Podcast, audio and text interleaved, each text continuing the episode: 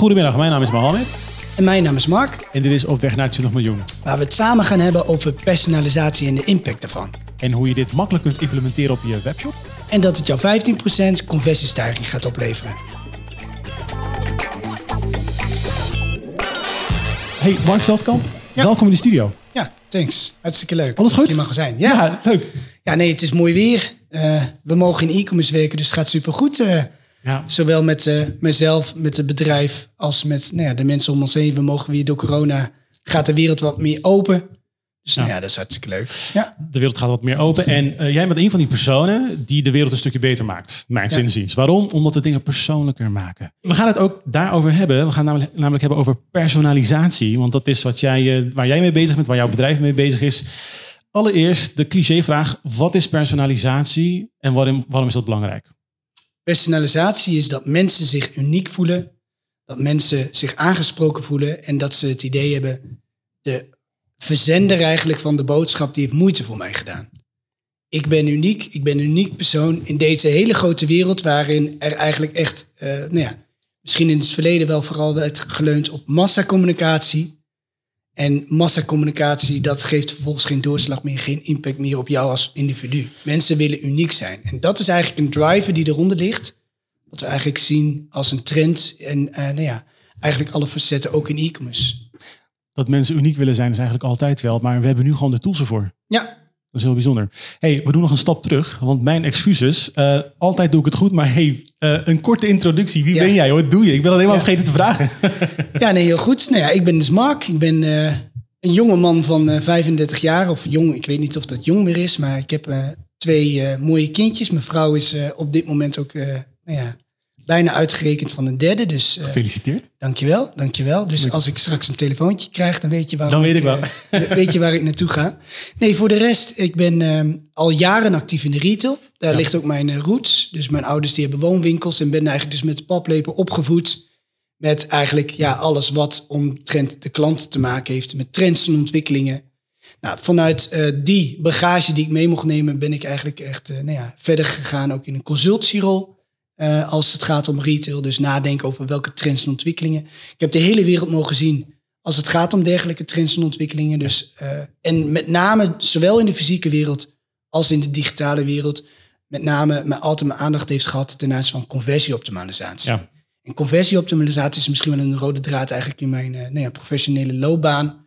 Ehm, dat doe ik nu bij Tweakwise. Dus ik ben nu een aantal jaren actief bij Tweakwise. Tweakwise is dus een nou ja, gepersonaliseerde site search, merchandising en recommendations tool. Daar komen we straks denk ik nog wel wat verder op wat dat nou precies is. Ja. Maar uiteindelijk wat wij proberen te doen is eigenlijk na te denken over nou ja, je optimale schapindelingen. Wat zijn nou relevante producten die je wilt laten zien aan klanten? En ook gepersonaliseerd. Dus wat is voor jou uiteindelijk heeft het meeste waarde om te laten zien, zowel qua commerce, dus producten, als content. Mhm.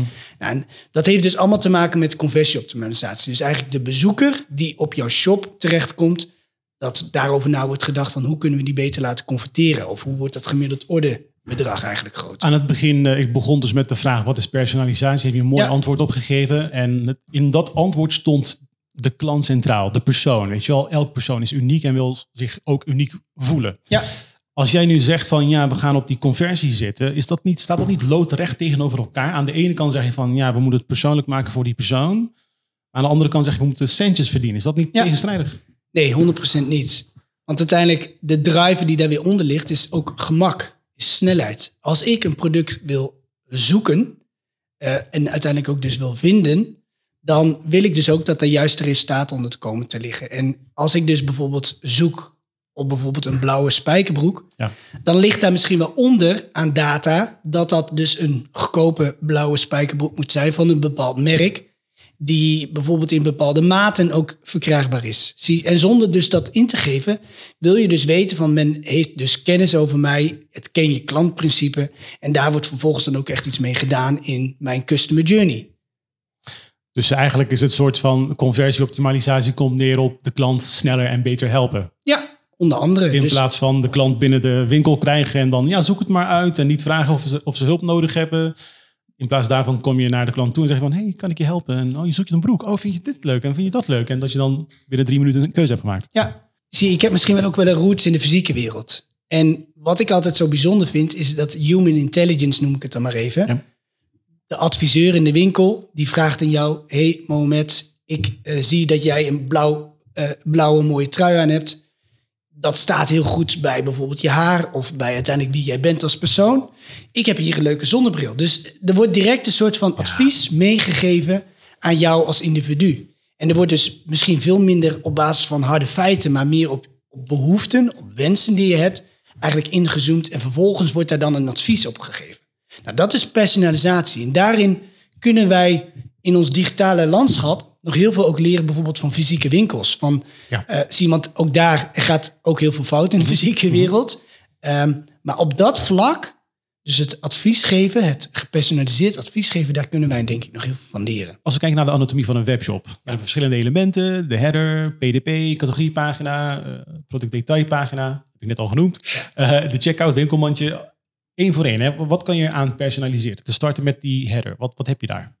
de zoekfunctionaliteit. Dus als jij uiteindelijk zo snel mogelijk tot een bepaald resultaat wilt komen, Ja. dan ga je typen in de zoekfunctionaliteit. En hoe prominent die daar, daar staat, dat is even aan het design wat je uiteindelijk hebt afgestemd ten aanzien van je webshop. Wat, wat is daaraan te personaliseren? Wat, wat zoek je dan? Hoe is het dan? Wat, wat roept de zoek, zoekfunctie dan ineens? De zoekfunctie kan dus zien op basis van interacties die jij op een eerder moment hebt gedaan, Ja. of op basis van data wat je op een ander moment eigenlijk hebt ingebracht. Dus Google Analytics is bijvoorbeeld een databron. We scharen dat eigenlijk onder het, onder het takje Business Intelligence. Mhm. Eigenlijk al dat soort databronnen kun je bijeenbrengen in de tool. En vervolgens kan dat binnen het zoeken een resultaat gaan uitserveren. Aha. Dus stel nou dat ik dan typ blauwe spijkerbroek. En op basis van mijn interacties in het verleden zie ik dat ik vooral een prijskoper ben. Dan kun je dus rekening houden met de resultaten die daar dan weer uit voortkomen. Dus dan betekent het dat je vooral goedkope blauwe spijkerbroeken misschien dan wel te, te, nou ja, als resultaat prominent op de vervolgpagina te zien gaat krijgen. Of in je suggesties. En dan zijn we op de homepagina. Wat kunnen we daar doen aan personalisatie? Nou, dat ligt eraan ook weer aan van de ene shop heeft natuurlijk bijvoorbeeld werkt heel veel met featured products. Of sommige homepagina's hebben direct al bepaalde listes, productlistenpagina's ter beschikking. Dus dat je bepaalde categorieën al direct gaat zien. Ah. Afhankelijk daarvan kun je ook daarin de reis dus personaliseren. En dan gaat het eigenlijk om de schapindeling die je daar dan presenteert. Ja. Om even weer het uitstapje te maken naar de fysieke wereld, om het begrijpbaar te maken. In de supermarkt loop je binnen, er is nagedacht over een routing. Er is nagedacht over kopstellingen met acties en aanbiedingen. Er is nagedacht over bijvoorbeeld het cola-schap, waar je Coca-Cola op ooghoogte ziet en de private labels bijvoorbeeld bij je voeten ziet staan. Nou, dat, dat is die reis eigenlijk die je daar gaat, waar er op de millimeter eigenlijk is nagedacht over schapindelingen. Die kun je dus ook in e-commerce nog verder personaliseren. Nou, dat is eigenlijk een enorme kans die we dus zien binnen e-commerce, omdat je dus nou ja, op basis van de gegevens die je achter hebt gelaten op een eerder moment, die reis verder kunt specificeren. En omdat in, in de supermarkt kun je niet zeggen, omdat ik zie, Mohamed, dat jij bijvoorbeeld Coca-Cola misschien niet een lekkere cola vindt, maar jij wat liever Pepsi-Cola op ooghoogte hebben zien staan. Dat kan dus wel, dat is dus wel een mogelijkheid binnen e-commerce. Ja, En dat is dus het unieke. Daarom kan personalisatie veel verder worden doorgevoerd in e-commerce dan bijvoorbeeld in een fysieke winkel. categoriepagina. Wat doen we daar? Nou, dat is eigenlijk wat ik toen net ook al aangaf. Maar gaat misschien nog een stapje verder. Dat je dus ook de filters, de sorteringsopties eigenlijk ook daarop aanpast op basis van jouw persoonlijke wensen. Want waarom sorteren op prijs als dat voor jou eigenlijk geen item is? En waarom wil jij als organisatie dan misschien ook producten laten zien die misschien helemaal niet op voorraad zijn? Maar als dat dan net het product is wat jij jou juist heel graag wil wensen, en dat maakt niet uit dat jij in dit geval misschien daar wel een week op wilt wachten. Nou, dat zijn allemaal persoonlijke voorkeuren die heel veel impact hebben op de producten die je dan vervolgens weer kunt laten zien. En ik heb het nu trouwens over producten die je continu Ja. wilt laten zien. Maar content wordt ook steeds belangrijker. Aha. En content geldt eigenlijk hetzelfde voor. Waarom bepaalde contentblokken, waarom ook die niet prioriteren op basis van relevantie? Aha. Het gaat dus eigenlijk continu over de relevantievraag. Wat is voor jou relevant? Ja, en daar kun je weer een hele leuke vervolgdiscussie over hebben van wat voor jou, is, eh, wat voor jou als relevant wordt betiteld, is voor mij misschien niet relevant. Maar ook de organisatie heeft misschien wel een bepaalde relevantievraag. En die wil je eigenlijk combineren met elkaar. Dus wat dan vervolgens getoond gaat worden. En als we dan nog een stukje doorgaan naar de PDP, product Ja. Wat, eh, wat kunnen we daar? En daar zijn de mogelijkheden wat beperkter in de zin Ja. van je hebt een container of een silo. Er, zijn heel veel begrippen voor binnen e-commerce om dat eigenlijk te duiden. Maar je hebt eigenlijk een beperkte mogelijkheid om aan verwante producten ups en cross-sells eigenlijk te laten zien. Nou, en binnen die aanverwante producten kun je het ook wederom gaan personaliseren. Dus stel ik heb een lamp gekocht. Ik wil er ook bijvoorbeeld een klein lampje bijvoorbeeld ook bij kopen. Dan wil ik misschien, omdat ik een prijskoper ben, vooral de nou ja, wat, wat kleinere prijsjes eh, lampen uiteindelijk ook laten zien bij mijn ups en mijn cross-sells. Of als ik misschien nadenk over upsells, dat je ook nadenkt over, nou ja, wederom dat segment kopen wat je dan in dit geval bent. Ja. En dat is puur dus ook gedreven op basis van persoonlijke voorkeuren. En eh, andere plekken op de webshop waar we nog te maken hebben met eh, personalisatie? Nou, de productdetailpagina, of eigenlijk de silo's, de containers eigenlijk, die we ook kunnen uitserveren, die kun je eigenlijk op heel veel plekken ook op de website bijvoorbeeld weer zetten. Die kun je vullen met producten, maar dus ook met content.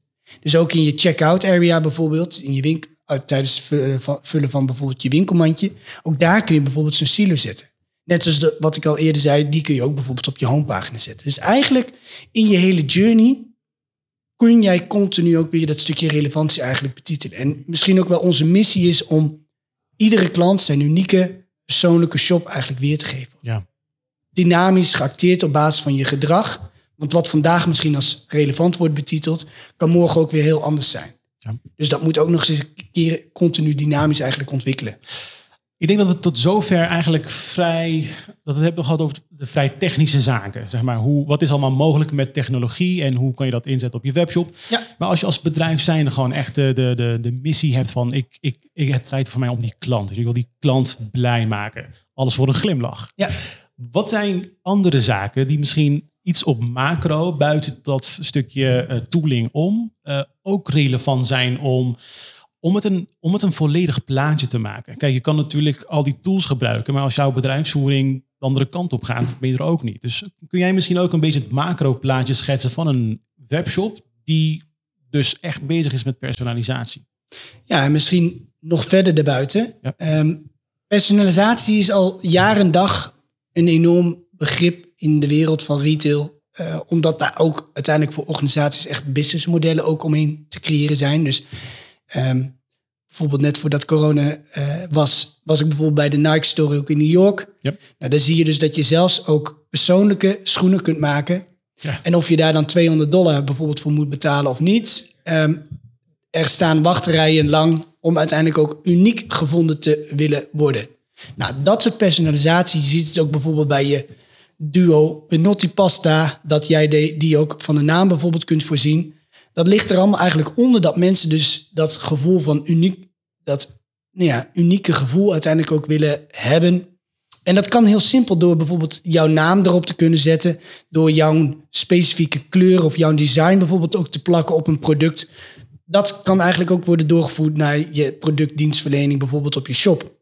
En dat gaat dus kanaaloverstijgend, gaat dat dus ook steeds meer impact hebben in onze wereld. Dus de behoefte van eigenlijk organisaties om de klant nog beter te kunnen servicen, kanaaloverstijgend. Dus als ik bijvoorbeeld in mijn socials bijvoorbeeld ook weer naar bepaalde zaken aan het kijken ben, Ja. dan heeft dat impact. Arjen Lubach bijvoorbeeld, eh, afgelopen jaar, iedereen kent waarschijnlijk nog wel de editie, dat eh, we te maken hebben met algoritmes en dat je als je op YouTube bijvoorbeeld aan het kijken bent naar bepaalde video's, dat je eigenlijk steeds verder dat personalisatie-algoritme wordt ingeduwd. Is dat altijd nou ja, de juiste combinatie? Nee, dat, dat, daar kun je over discussiëren weer, want word je dan niet heel erg binnen je eigen bubbel zeg maar, opgevoed? Nou, daar kunnen we nog een andere discussie over voeren. Maar Ja. dat, dat ligt eigenlijk allemaal daaronder dat we dus eigenlijk na willen denken over personalisatie, het uniek zijn van. Ja. Wat zijn de nieuwste ontwikkelingen als het gaat om eh, personalisatie binnen e-commerce? Wat is de toekomst? Wat ligt op de loer? Nou, dat personalisatie eigenlijk in de verste zin van het woord eigenlijk wordt doorgevoerd. En dan noem ik ook even weer een voorbeeld, want dat spreekt voor zich. Coolblue, die doet dat heel goed. Die zorgt er ook voor dat je bijvoorbeeld bij aflevering van het product ook nou ja, een leuk, eh, nou ja, persoonlijk handgeschreven berichtje bijvoorbeeld ook krijgt. Bij uiteindelijk ook de oplevering van je product. Ja. Ja, dat die journey die wordt steeds verder gepersonaliseerd. Wederom omdat dat nou ja, ook een bepaald bestaansgegeven voor een organisatie, omdat die jou kent. En eigenlijk wat wij nu aan het doen zijn is niet nieuw. Dit deed de groenteboer op de hoek 30, 40, 50 jaar geleden natuurlijk hetzelfde. Alleen die had daar geen CRM-systeem bijvoorbeeld voor nodig. Die kende die persoon die dus bij die nou ja, groenteboer kwam persoonlijk.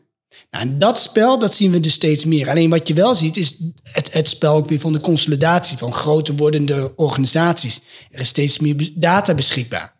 Ja. Dus de trend eigenlijk van personalisatie is eigenlijk heel logisch. En dat vooral ook kanaaloverstijgend. Ook misschien wel de reden dat, en dan trek ik hem even weer terug naar mijn eigen business, Tweakwise, steeds vaker ook samenwerkt bijvoorbeeld met custom, custom data platformen. Nou, de custom data platformen. Ja, wat is dat? Wat is dat? Goede vraag. Ik wou hem eigenlijk al beantwoorden.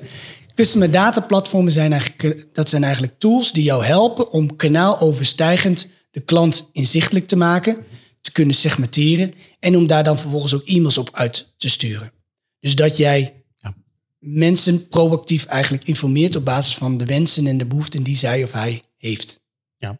En Tweakwise om daar dan even duidelijk ook weer het verschil mee te maken. Tweakwise die focust zich puur op de on-site journey. Persoonlijke journey eigenlijk die je hebt op de site. CDP's gaan er eigenlijk nog een stapje verder in. Dus die kijken niet alleen naar de site. Maar die kijken ook bijvoorbeeld op wat je in Google intypt. Of vervolgens wat je dan meeneemt naar bijvoorbeeld een website. Vervolgens wat jij in je socials aan het doen bent. Waarom zie je dus ook steeds vaker tijdens het bezoek op je socials, Instagram bijvoorbeeld, dat er bepaalde leuke shirts bijvoorbeeld worden gepusht, die wel heel erg in de buurt komen van eigenlijk jouw smaak.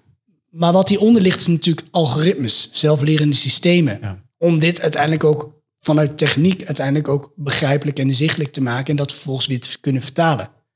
En er ligt dus heel veel complexiteit onder. Maar we zijn dus op dit moment in staat om dat met onze techniek om dat ook in te kunnen vullen. Maar als je een analogie zou kunnen maken, als je het wat begrijpelijker zou kunnen maken, wel gepersonaliseerde klantervaring ten opzichte van een niet gepersonaliseerde, hoe ziet dat eruit? Nou, eigenlijk zien wij al dit soort stappen ook in een groeipad. Dus je kunt niet direct doorgroeien naar het persoonlijkheidsniveau. Eigenlijk wat je eerst doet, en dat is eigenlijk de eerste stap eigenlijk van nou ja, dit soort principes, is dat je het eerst voor de grote groep eigenlijk gaat neerzetten. Ja. Dus voor grote groepen. Dat is eigenlijk de eerste stap daarmee doe je het al veel beter dan ooit tevoren. Dus, en daarmee bedoel ik, um, jij behoort misschien tot een bepaalde leeftijdscategorie met een bepaalde aantal kenmerken. En op basis van die kenmerken serveren wij bepaalde resultaten uit. Dus producten, dan wel content. Nou, dat is eigenlijk de eerste stap. We noemen dat ook wel het uitserveren voor de wisdom of the crowds.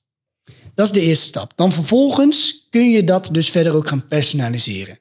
Nou, wat het grote verschil is tussen een wel of niet gepersonaliseerde webshop, is eigenlijk impact. Daar kan ik heel kort over zijn. Want uiteindelijk, waar draait het allemaal om, is conversieoptimalisatie.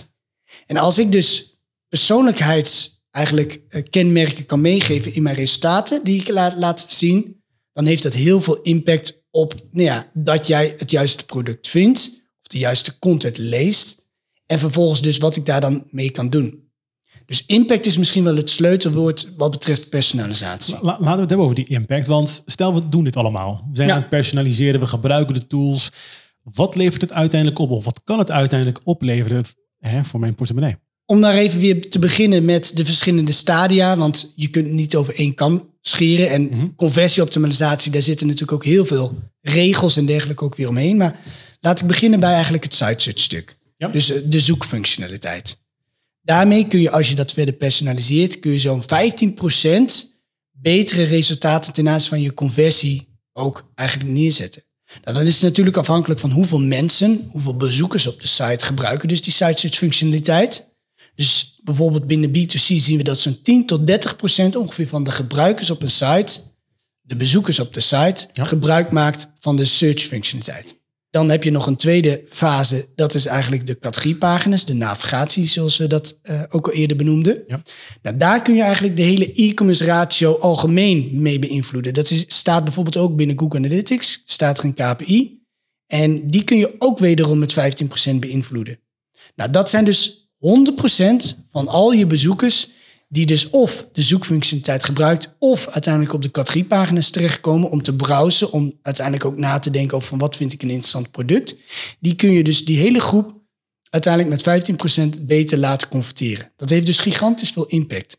De derde stap hebben we het over gehad. Dat is binnen de silo's. Dus op je, bijvoorbeeld op je productdetailpagina in je checkout area. Ja. Hebben we het niet meer over conversieoptimalisatie.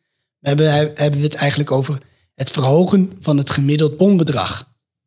Nou, en daar wordt het iets ingewikkelder om het AB testen. Uh, maar wat wij zien is dat ongeveer tussen de 4 en de 10 procent van dat gemiddeld bonbedrag wordt verhoogd als je dat verder gaat personaliseren. Ja, het is dus ook wel heel uiteenlopend per industrie. Ja.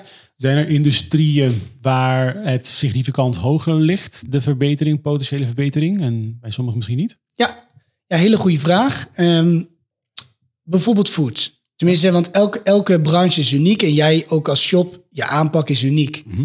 Dus ook daar weer personalisatie. Ehm, maar binnen food bijvoorbeeld zien we heel veel kenmerken van retentie, terugkerende klanten. Daar heeft personalisatie enorm veel impact. Ja, ja, ja. Waarom? Als jij weet dat jij elke dag bijvoorbeeld, tenminste als je terugkomt op, bijvoorbeeld, laat ik een voorbeeld nemen, Plus. Jij gaat bijvoorbeeld naar de Mhm. Plus supermarkt en ook naar het digitale kanaal. Ik koop met name productjes, dus bijvoorbeeld ik koop pindakaas. Jij bent een gewoontedier, net zoals dat iedereen in die zin een gewoontedier is. Dus als je één keer een voorkeur hebt voor café pindakaas, ga je niet in één keer meer switchen naar bijvoorbeeld huismerken pindakaas. Ja. Als ik dat weet, kan ik dat tijdens je volgende bezoek misschien wel hoog op de listen bijvoorbeeld zetten. Nou, dat heeft dus heel veel impact. Retentie heeft dus heel veel impact op eigenlijk de reis in bijvoorbeeld food. Die 10% conversiestijging, want daar hebben we het specifiek over als we het hebben over wat doet personalisatie dan eigenlijk voor je nog daarboven. Dat heeft dus meer dan 10%, is dus zeker heel reëel. Ja. Een ander voorbeeld, fashion. Daar hebben we te maken met heel veel SKU's. Ja. Dus maten, kleuren. Ja, wij noemen dat dan ook maatboog beschikbaarheid. Dus bijvoorbeeld, ik draag altijd een M'tje, maar soms wijk ik uit naar een S'je of naar een L'tje. Ik wil wel dat ik kan kiezen in ieder geval tussen die varianten, producten. Maar die kleuren, die moeten ook beschikbaar zijn. Ja, en daar hebben we dus te maken echt ook met complexiteit, zoals we dat dan noemen. Fashion is daar een voorbeeld van, maar home and living is daar denk ik ook een mooi voorbeeld van. Eigenlijk daar waar er heel veel SKU's aanwezig zijn, ook daar heeft personalisatie heel veel impact. Waarom? Omdat je, je hebt te maken met beperkte ruimte op je shop. Dus Ja. je kunt misschien maar vier, vijf, zes posities eigenlijk laten zien. Vooral ook als je bijvoorbeeld een mobile device gebruikt, dan heb je nog minder ruimte om dingen te laten zien. Dus die eerste plek, dat is een hele belangrijke plek om uiteindelijk ook goed te kunnen converteren. Dan is het dus heel belangrijk om die eerste plek ook goed te benutten met een heel relevant product of met relevante content. En door juist dat te personaliseren, ga je uiteindelijk echt een groot verschil maken ook naar de toekomst. Dus dat je uiteindelijk impact kunt hebben op ja, conversie, op omzet. Ik, ik hoor eigenlijk eh, twee belangrijke elementen terugkomen. Eén is het aantal SKU's. Ja. Als dat er heel veel is, kan je veel eh, winst behalen met, eh, met personalisatie. En twee is dat je wel meerdere transacties hebt per klant. Dat Ja. niet een klant één keer in vijf jaar wat koopt, maar dat die steeds terugkomt. En dan wordt het, hoe meer dat gebeurt, die SKU's en aan de andere kant de transacties, hoe interessanter personalisatie kan zijn. Ja, wil ik misschien nog eentje aan toevoegen. Tenminste, want personalisatie en zo heeft iedere branche, iedere omgeving eigenlijk zijn eigen uitdaging. Omnichannel retail. Mhm, mhm. Ehm, wij bijvoorbeeld hebben ook veel omnichannel klanten en daarin zie je dus dat er wordt bijvoorbeeld iets fysieks, in de fysieke winkel wordt er iets gekocht. Dan wil je ook dat dat datastuk, dat gedrag wat wordt vertoond misschien ook in de fysieke winkel, ook wordt meegenomen naar je digitale kanalen. Nou, daar hebben we een mooi instrument voor, dat heet een loyalty kaart. En als je dus dat soort gegevens kunt bundelen, en dan kun je uiteindelijk enorm veel impact maken ook weer op dat digitale kanaal. Want stel nou dat ik in de fysieke winkel naar bijvoorbeeld een tuinmarkt ga. En ik koop de 10 zakken potgrond. Dan zegt dat iets over mijn tuin. Ja. Dan zegt dat direct ook over allemaal aanverwante producten die ik eventueel ook interessant zou kunnen vinden. Want ik heb dan waarschijnlijk ook wel een grote kruiwagen bijvoorbeeld nodig. Dat is dus eigenlijk personalisatie puur zang. Dat is eigenlijk ook de behoefte die iedereen vertoont. En als je dus dat kunt meenemen vanuit je data, nou ja, dan ben je, zoals onze techniekjongens zeggen, dan ben je king. Ja, maar wie doet dat nou? Nou, nu nog heel weinig. Dus eh, een hele terechte vraag. Maar dat het wel een trend is. En dat inmiddels dus ook wel steeds meer klanten van ons dat doen. Ja. Nou ja, dat, dat is dan misschien ook voor eigen parochie spreken. Maar het, is, het is een belangrijke trend. Zie je en de behoefte die eronder ligt. Zie waarom maken steeds meer partijen ook bijvoorbeeld gebruik van de customer data platform. Dus waarom wil men het ken je klant principe toepassen? Nou, dat ligt daar allemaal onder. Dus dat de behoefte er is, die is duidelijk. Dat het technisch mogelijk is, is ook duidelijk. Nu is het eigenlijk om die twee werelden samen te brengen en eigenlijk om dat te bundelen. Oké, nu gaan we weer lekker inspelen op een stukje lekker humane emotie. Ik ben die ondernemer, ik heb die shop en ik wil nu voelen, ik wil aanvoelen van, ben ik nou wel goed bezig of niet? En hoe ver achter ben ik of hoe ver voorop loop ik? Dus kan je een beetje een beeld schetsen van de huidige e-commerce landschap in Nederland? Wat gebeurt er wel, wat gebeurt er niet? Waar is de grootste adoptie nu op dit moment eh, aan de gang? Kan je een beeld schetsen? Ja, ja goede vraag, want... Um kan daar wel iets over vertellen over van wat zie ik nu in de markt. Mhm, mhm. Ik zit bijvoorbeeld ook in een, uh, in een werkgroep uh, van Shopping Tomorrow. De, dat gaat over ook weer conversieoptimalisatie. Dat is dus weer die rode draad. Ja. Um, wat je ziet is nu, waar zitten we in, is bijvoorbeeld de uitdagingen ten aanzien van werven van personeel. Dus iedere shop heeft het heel moeilijk met het zoeken van de juiste mensen. Okay. Eigenlijk de run op talent. Nou, dat is misschien wel een eerste hele grote uitdaging die ik zie waar je mee te dealen hebt. Dus dan moet je gaan nadenken over van... wil ik nog wel altijd continu zelf nadenken over bepaalde specialisaties op de site? Dat is misschien wel een eerste. Een tweede is dat er ook heel veel cultuur nu nog onder ligt... binnen het huidige landschap van eigenlijk nou ja, shops. Dus het moet niet zo zijn dat bijvoorbeeld een eigenaar van een shop zegt van... ja, ik, heb het idee dat die banner bovenaan de site, dat dat de juiste keuze is, want dat past zo goed bij de shop. Nee, je wilt zaken wil je feitelijk kunnen onderbouwen. Je wilt gaan testen. Je wilt gaan nadenken over strategie, over tactieken per categorie misschien zelfs wel. Nou, dat is eigenlijk wel een tweede soort van nou ja, uitdaging die ik zie binnen onze markt. Waar men heel erg nou ja, ook naar zoeken is van hoe kunnen we dat nu gewoon goed neerzetten. Nou, conversieoptimalisatie en procesdenken en wat geef ik wel of niet prioriteit op mijn backlog, dat ligt er ook allemaal weer onder. Nou, dat, is dus, dat zijn twee, denk ik, hele typerende uitdagingen waar nou ja, misschien wel e-commerce Nederland of e-commerce Benelux eigenlijk mee te maken heeft. Of misschien wel e-commerce de wereld te maken mee heeft. Wat zie ik dan eigenlijk als de twee grote nou ja, trends waarop steeds meer wordt ingespeeld? Dat is één, dus personalisatie. Dus dat is het algemene thema van vandaag. En thema personalisatie is natuurlijk een heel algemeen begrip. Dus wat is personalisatie dan? Nou ja, dat hebben we denk ik nu al iets duidelijker kunnen maken. Dus kanaal overstijgend, dan wel puur aan zich op de shop. Dus dat zijn eigenlijk de twee levels die ik dan nu even zie. Maar een andere belangrijke trend is ook bijvoorbeeld site speed of performance. Nadenken over van hoe kom ik ook weer hoog bijvoorbeeld ten aanzien van mijn Web Vital scores. Hoe, hoe, hoe, presteer ik daar? Hoe zorg ik ervoor dat bijvoorbeeld ook nou ja, Google mij leuk vindt nou, dat heeft dus ook heel veel impact ook op conversie. Dus zorgen dat je product of je content snel wordt ingeladen. Zowel voor je eigen gevoel als, als bezoeker zijnde, maar ook uiteindelijk ook voor het halen van goede scores, bijvoorbeeld in Google. Het overgrote deel van webshops heeft geen geoptimaliseerde site search. Nee. Oké, dat is een goede statement. Ja. Dat is een flinke statement. Ja, ja. De meeste webshops verzamelen geen data. Dat is het hele brede statement. Maar wat denk je daarover? Die statement? Nee, dat denk ik niet. Alleen dat die data veel beter kan. Dat je continu moet bezig zijn met dataverrijking. Dat is wel eentje die je in, in de mond mag leggen. De meeste webshops zijn niet bezig met personalisatie. Klopt. Oké. Ouch. En, personalisatie is natuurlijk nog wel ook voor heel veel partijen pas misschien een stap drie, stap vier. Maar dat het op den duur relevant gaat zijn voor iedereen. En dat het heel veel impact heeft op gewoon, nou ja, bijvoorbeeld conversieoptimalisatie. Of hoe kun jij uiteindelijk ook je klant bedienen? Zie je, nogmaals, het moet allemaal passen binnen je strategie. Ja, ja, ja, ja. Maar dat het in die zin voor iedereen relevant gaat zijn en impact gaat hebben, dat klopt.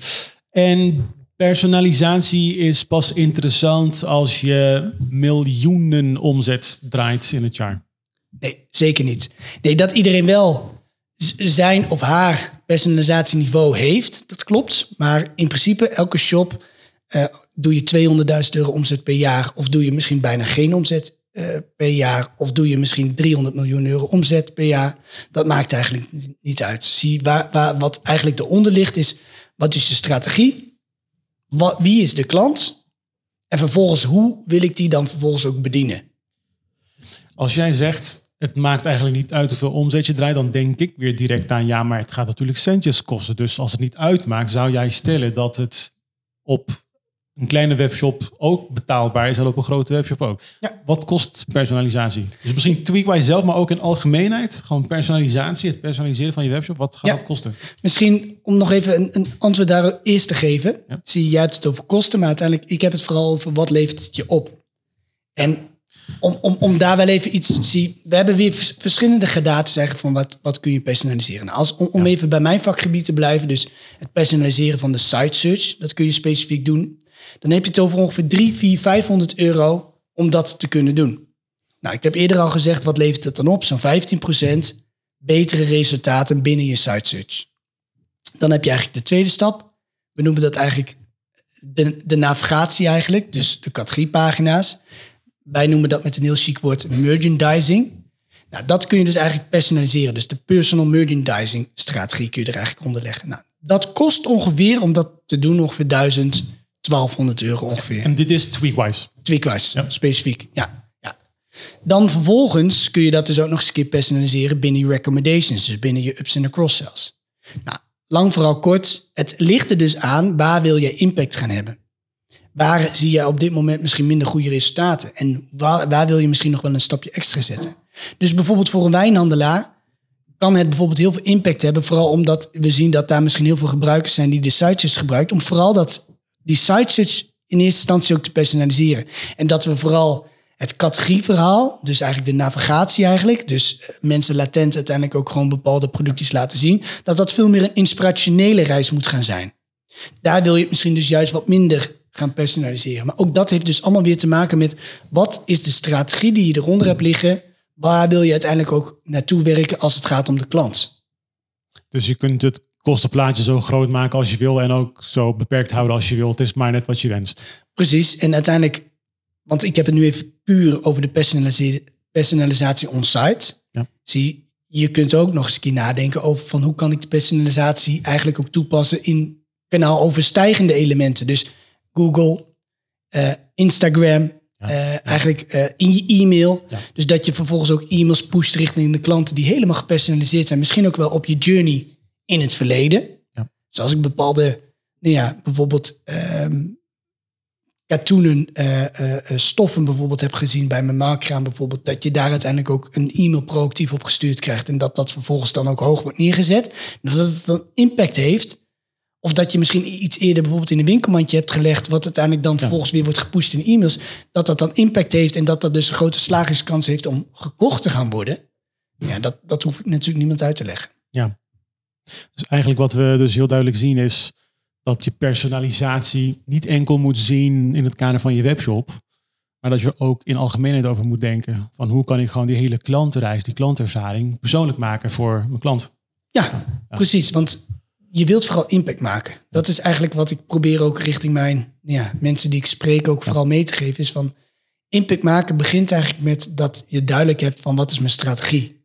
Waar- wie wil ik zijn voor mijn klant? Welke toegevoegde waarde kan ik hebben voor mijn klant? En vervolgens, als daar dan in past dat je personalisatie moet doorvoeren op bepaalde elementen on-site of erbuiten. Ja, dat is eigenlijk een vervolg eigenlijk op die eerste vraag die je moet beantwoorden. De toekomst is cookieless.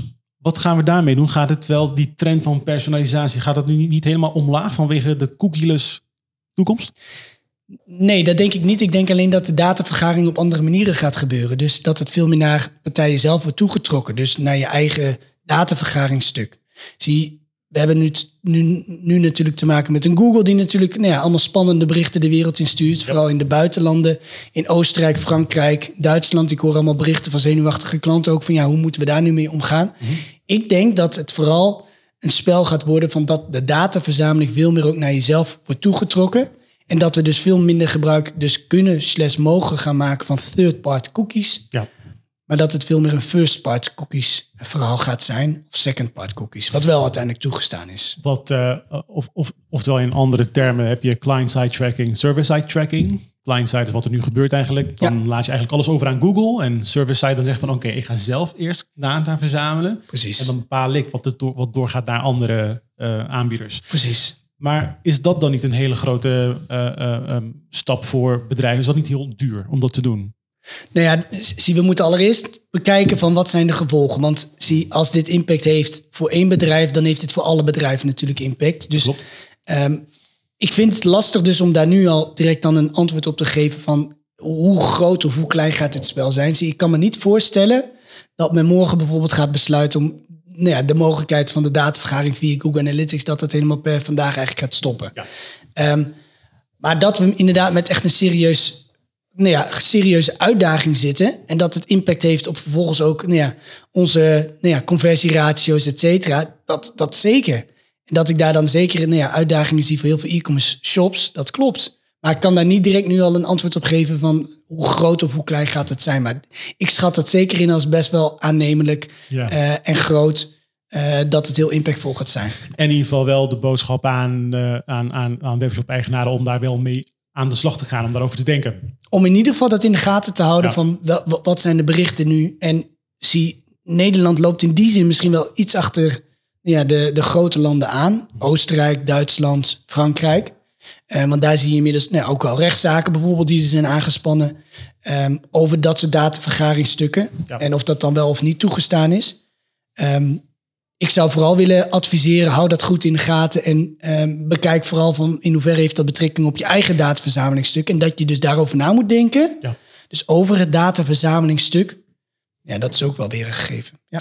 hey, we hebben het gehad over personalisatie. Hè? Ik eh, wil door naar het laatste segment, want ik had jou gevraagd om na te denken over een gewaagd groeigetal. Ja. Dus al met al, wat is het gewaagd groeigetal dat jij wilt delen met, uh, met de luisteraars?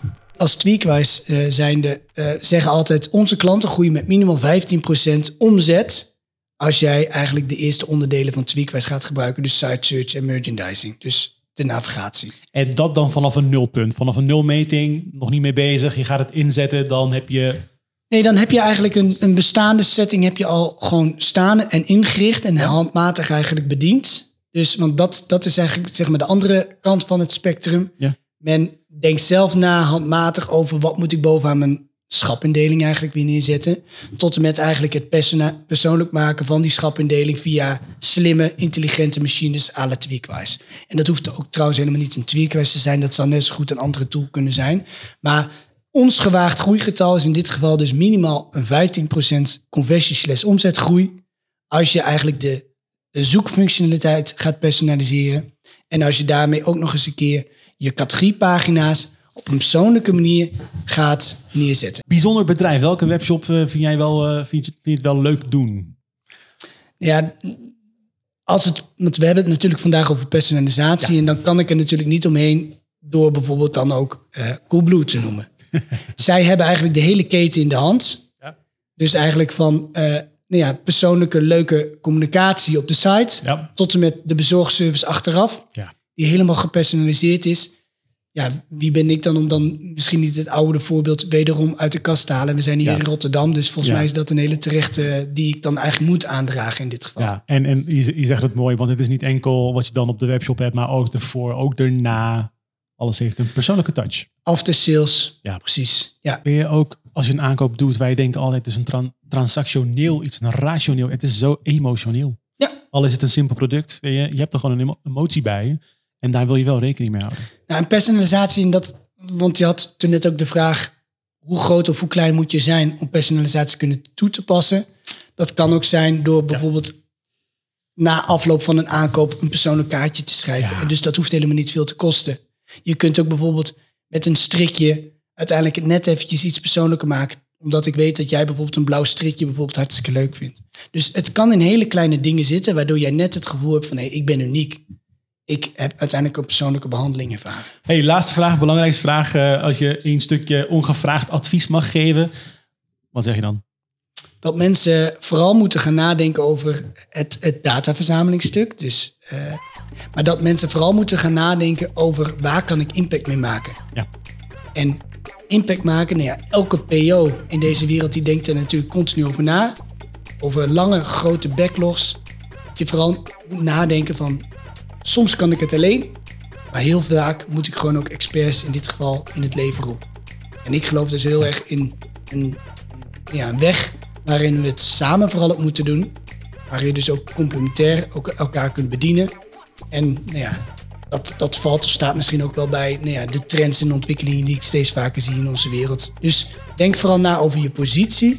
Afsluitend, denk vooral na over je positie in het landschap. Denk na over hoe je impact kunt maken. En tot slot, wat is je strategie die daaronder ligt om impact te kunnen maken? Mark Veldkamp, bedankt voor je tijd. Jij ook bedankt. Hartstikke leuk dat ik mocht komen.